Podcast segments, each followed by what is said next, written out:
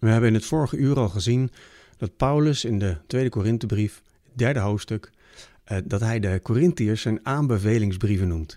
Ze zijn een brief van Christus, geschreven met de Heilige Geest in hun hart. Niet op stenen platen, zoals bij de tien geboden, maar in hun hart is er geschreven.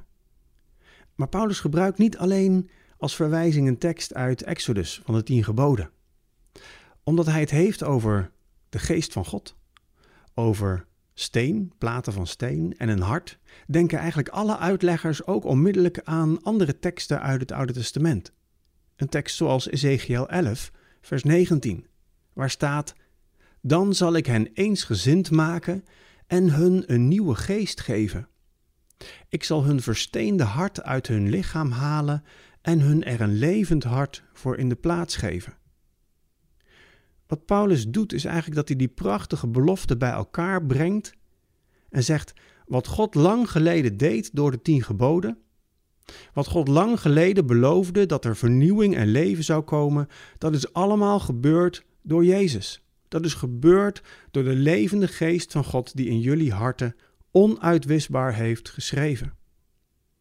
Daardoor zijn jullie een brief geworden die iedereen kan zien en die iedereen kan lezen.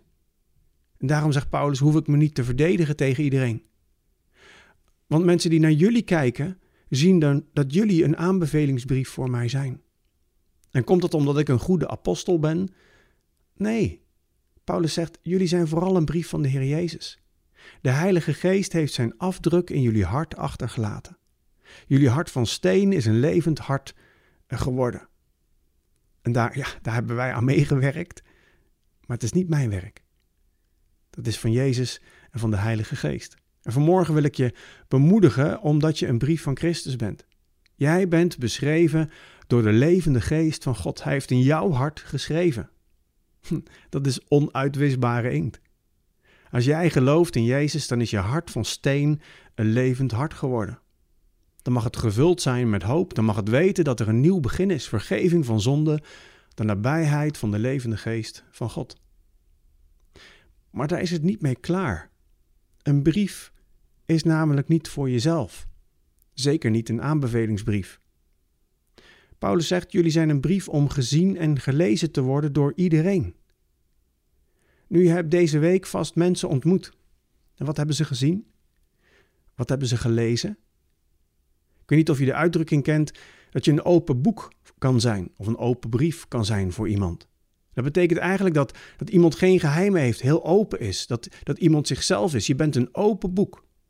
Ik kan je zo lezen. En Paulus zegt: Jullie zijn een open boek, een open brief.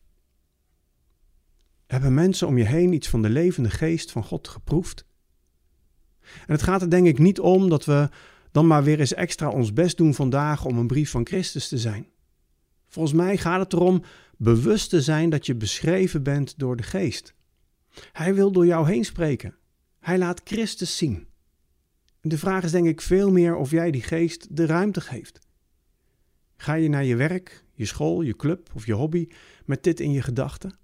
Ik ben een brief van Christus. En ik mag een open boek zijn waarin de mensen Hem kunnen zien. En dat verlangen is genoeg.